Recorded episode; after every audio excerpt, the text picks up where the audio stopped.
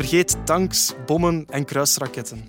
Energie lijkt het nieuwe wapen waarmee landen elkaar kunnen boycotten. En dat is een brandend actueel onderwerp. Hallo politicoloog Thijs van de Graaf. Hallo. Je moet weten, beste luisteraar, op dit moment, eh, terwijl we deze podcast opnemen, zitten we midden in de oorlog tussen Rusland en Oekraïne. En we vragen ons af, inderdaad, wat als Rusland de gaskraan toedraait? Met andere woorden, hoe kunnen staten energie gebruiken als wapen? Dit is de Universiteit van Vlaanderen.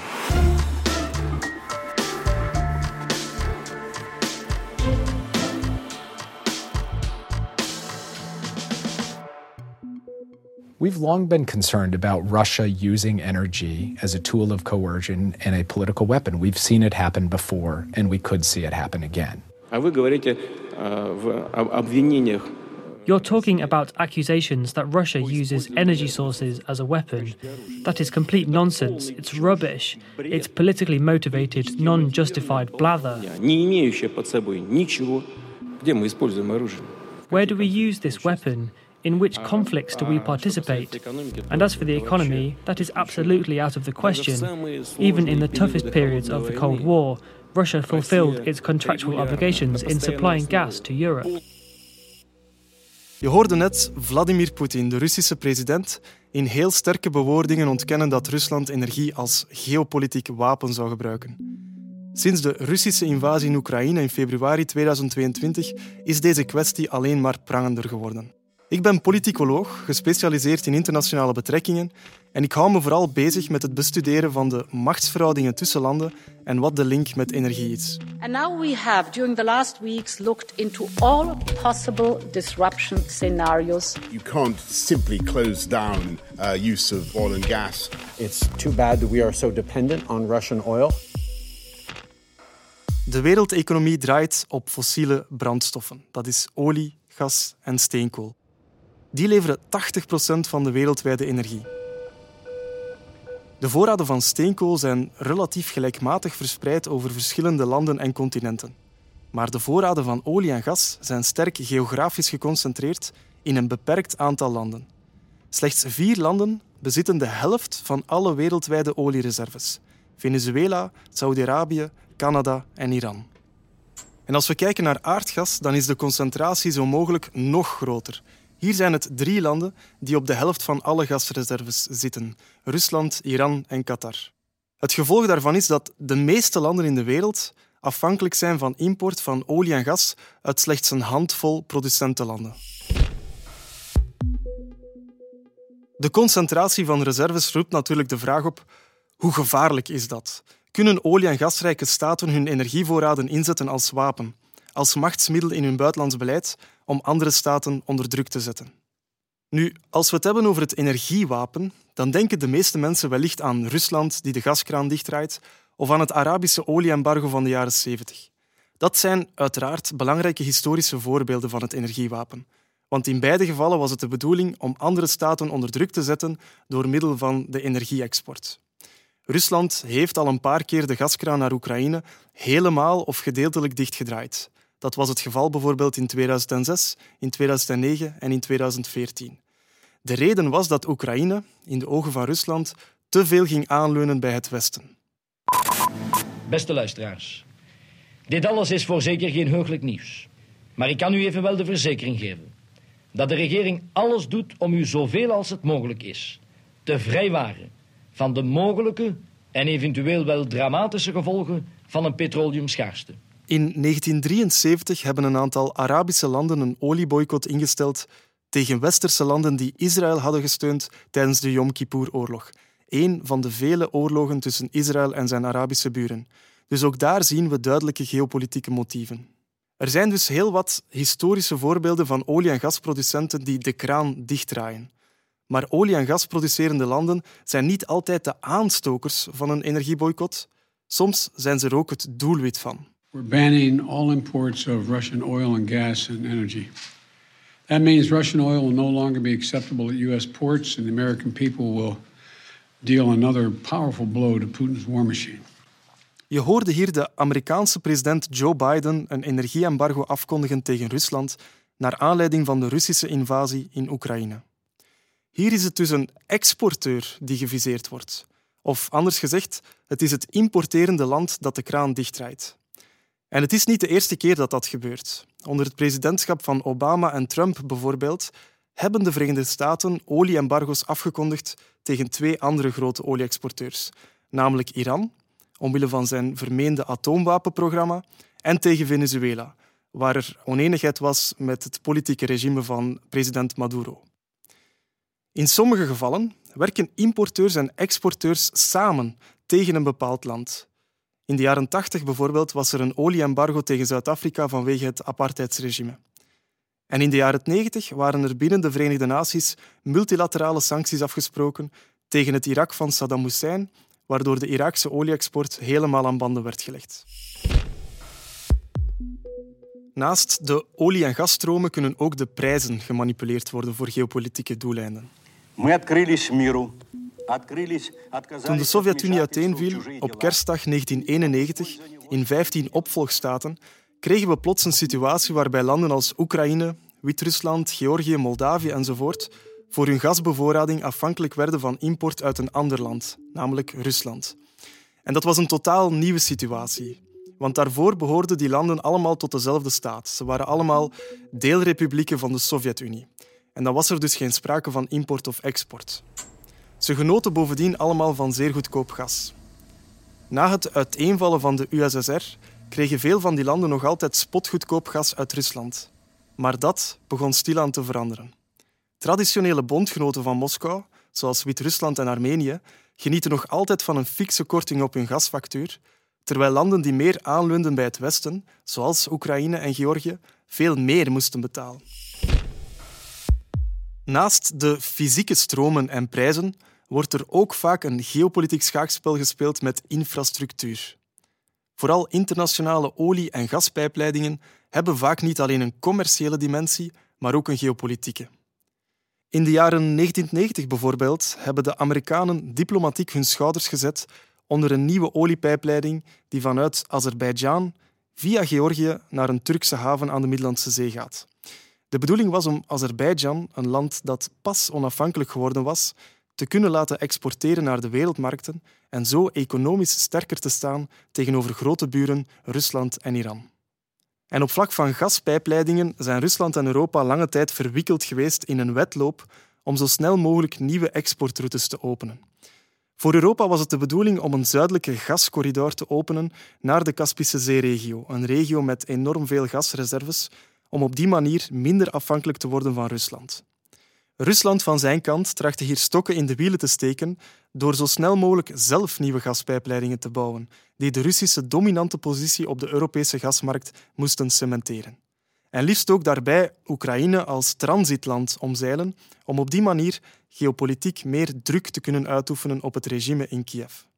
Het beruchtste voorbeeld hiervan is wellicht de Nord Stream 2 gaspijpleiding, een rechtstreekse verbinding tussen Rusland en Duitsland die loopt over de bodem van de Baltische Zee. Het project heeft 10 miljard euro gekost, maar zal wellicht nooit één molecule aardgas vervoeren, omdat Duitsland er in februari 2022, aan de vooravond van de Russische invasie in Oekraïne, de stekker heeft uitgetrokken. Solar energy will not pollute our air or water. We will not run short of it. No one can ever embargo the sun or interrupt its delivery to us. Hier hoorde je Jimmy Carter, de Amerikaanse president, in het jaar 1979, die een speech gaf naar aanleiding van het plaatsen van zonnepanelen op het Witte Huis in Washington. Zijn uitspraak doet ons de vraag stellen: wat zal de impact zijn van de energietransitie op het energiewapen? De energietransitie houdt in dat we in de toekomst veel meer hernieuwbare energie zullen gebruiken in plaats van fossiele brandstoffen. Het is duidelijk dat dat de geopolitieke wereldkaart compleet zal hertekenen. Daar waar de olie- en gasreserves geografisch sterk geconcentreerd zijn in een handvol landen, beschikt elk land wel over een of andere vorm van hernieuwbare energie. Of het nu zon is, wind, waterkracht, geothermie of biomassa. Hernieuwbare energie is dus vaak een lokaal product dat in eigen land kan worden geproduceerd en als zodanig kan het ook niet door staten gebruikt worden als wapen. Zelfs landen die niet volledig in hun eigen behoeften zullen kunnen voorzien, zoals België, en dus nog energie zullen moeten importeren, of het nu hernieuwbare elektriciteit is of groene waterstof, zij zullen toch meer energie-onafhankelijk zijn dan vandaag. En ze zullen dus meer ruimte hebben om hun handelspartners te kiezen om energie uit te importeren. Bij fossiele brandstoffen heb je een constante aanvoer nodig van steenkool, gas of aardolie. Dat is niet zo bij hernieuwbare energie. Eens je een zonnepaneel op je dak hebt gelegd of een windmolen hebt geplaatst, kan die energie blijven produceren zonder continue aanvoer van brandstof.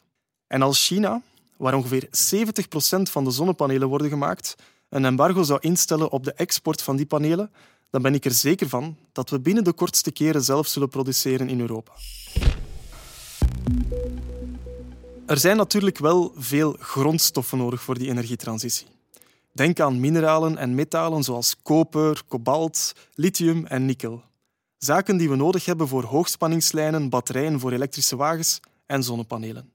Riskeren we dan niet onze afhankelijkheid van olie uit Saudi-Arabië in te ruilen voor een afhankelijkheid van kobalt uit Congo of lithium uit Chili? In principe kunnen staten ook boycotts instellen rond die grondstoffen. Maar er is een cruciaal verschil. Fossiele brandstoffen importeren wij om ze te verbranden. Grondstoffen importeren wij om er zaken mee te maken. Die zijn dus niet weg, maar die zitten gevangen in het materiaal, in onze zonnepanelen, in onze batterijen. Er zijn dus veel meer mogelijkheden om die mineralen en metalen te gaan hergebruiken, te gaan recycleren. Bovendien zijn er ook veel meer mogelijkheden om het gebruik van bepaalde grondstoffen gewoon te vermijden. Er is bijvoorbeeld heel wat te doen rond kobalt. 70% van alle kobalt wordt bovengehaald in slechts één land, de Republiek Congo. Dat is een uh, land dat geteisterd wordt door conflicten. Er is daar sprake van slechte arbeidsnormen, kinderarbeid enzovoort. Wel, de laatste generatie van Tesla's, van elektrische wagens, heeft geen kobalt meer in de batterij. Dus kan energie als wapen worden gebruikt? Ja, maar misschien niet op de manier dat veel mensen denken. Het gaat immers niet alleen om producentenlanden die de olie- of gaskraan dichtdraaien. Het gaat ook om importlanden die sancties opleggen. Het gaat om prijs, manipulatie en geopolitiek getouwtrek rond pijpleidingen. In elk geval, als we de transitie maken naar hernieuwbare energie, zullen er veel minder kansen zijn voor staten om de energieafhankelijkheid geopolitiek tegen elkaar uit te spelen.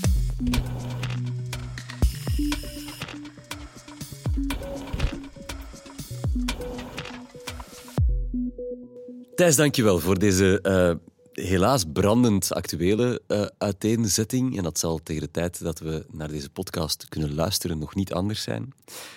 Het eerste wat me opviel, uh, in de landen die je opsomde, die energierijk zijn, Rusland, Iran, Venezuela, de Emiraten, er zijn nauwelijks landen die energierijk zijn en een toonbeeld van democratie. Is dat toeval? Dat is een hele goede vraag. En er is al veel onderzoek naar gebeurd naar het fenomeen van de zogenaamde grondstoffenvloek. Dus het fenomeen waarbij dat grondstofrijke landen inderdaad niet, al, niet altijd toonbeelden zijn van democratie, vaak ook uh, geen toonbeelden zijn van politieke stabiliteit uh, of van heel snelle economische groei. Um, dus er is wel degelijk een verband. En als je het hebt over het verband tussen bijvoorbeeld olierijkdom en democratie, dan is dat eigenlijk vrij simpel uit te leggen. Je kent misschien de uitspraak no taxation without representation.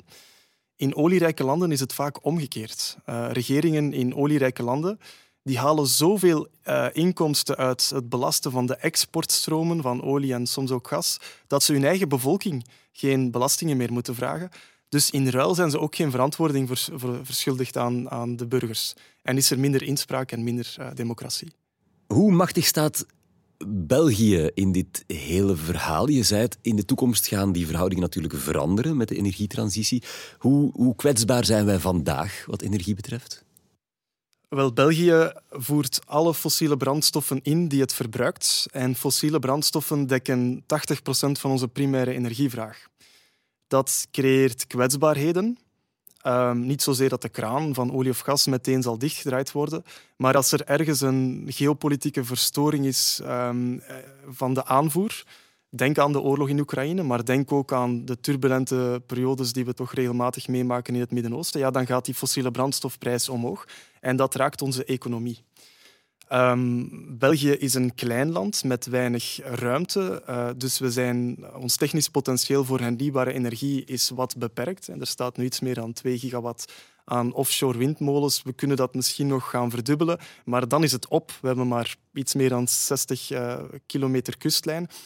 Dus wij zullen wellicht in de toekomst eh, in een klimaatneutrale economie nog altijd afhankelijk blijven van import. Dat kan dan elektriciteit zijn of groene waterstof. Maar het voordeel is dat we dan onze handelspartners zullen kunnen kiezen. Nu moeten we kijken naar landen die olie hebben, naar landen die gas hebben. Uh, je hebt daar weinig keuze in, je bent afhankelijk van een wereldmarkt. Maar in de toekomst, aangezien dat het technisch potentieel voor uh, groene stroomproductie zo gigantisch is als je kijkt naar alle landen in een, in een gordel rond de aarde, rond de evenaar. Dat is zo gigantisch dat we eigenlijk veel meer keuze gaan hebben om onze handelspartners te kiezen. Dus ik denk dat wij geopolitiek gezien in een betere situatie terecht gaan komen. Wie worden in de toekomst de nieuwe giganten op de energiemarkt? Gaat er een, een zonne-energie-reus komen zoals er nu uh, gas- en oliereuzen bestaan? Heel goede vraag. En ik denk het niet. Uh, als je kijkt naar de uh, exportinkomsten van olie- en gas exporterende landen, dat is gigantisch. Um, dat, gaat, uh, dat gaat naar de grote orde van, van 2% van het bruto binnenlands product. Dat is, dat is gigantisch. In de toekomst zullen er nog altijd energie-importerende en exporterende landen blijven bestaan. Maar het is vrijwel ondenkbaar dat die toekomstige exportlanden, landen met veel zon en wind, bijvoorbeeld Chili, Marokko, Australië, eigenlijk heel Sub-Sahara-Afrika, landen in het Midden-Oosten ook, die hebben ook gigantische potentiële. Het is eigenlijk vrijwel ondenkbaar dat die in de toekomst evenveel inkomsten gaan uh, halen uit die export van groene energie dan de fossiele brandstoffenexporteurs vandaag doen. Dus zien we vandaag onder andere in die oorlog uh, tussen Rusland en Oekraïne de stuiptrekkingen van een oude energiewereld. Wordt, wordt dat energiewapen in de toekomst geneutraliseerd? Wel, ik hoop het dat het de stuiptrekkingen zijn van die fossiele brandstoffenafhankelijkheid. Um, maar dat is een keuze die wij zelf moeten maken. Onze afhankelijkheid van olie en gas, uh, die kunnen wij afbouwen. Daar zijn technische oplossingen voor. Ze zijn ook helemaal niet zo, zo moeilijk. Hè. Als, als je kijkt naar olie, dat verbruiken wij vooral in de transportsector. Ja, daar moeten we ons wagenpark elektrificeren en dan zijn we van, in principe van olie verlost. Um, als je kijkt naar gas, het, uh, de helft van ons gasverbruik uh, komt van gebouwen, waar we gas nodig hebben om te verwarmen, soms ook om op te koken, voor, voor sanitair water. Uh, ook daar zijn oplossingen voor. Dat gaat van isoleren en minder verbruiken tot uh, installeren van warmtepompen. Dus wij hebben zelf de instrumenten in handen om ons minder afhankelijk te maken van die, van die importen. Dank u wel, Thijs van de Graaf, voor deze uiterst interessante en relevante uiteenzetting. Jij vraagt je misschien ondertussen af of we in de toekomst effectief nog olie als energiebron zullen gebruiken, of wordt alles toch hernieuwbaar? Misschien zijn er nog nieuwe energiebronnen in die toekomst. Luister naar podcastaflevering nummer 305 en leer alles over kernfusie. Heel graag tot daar of tot een volgende keer.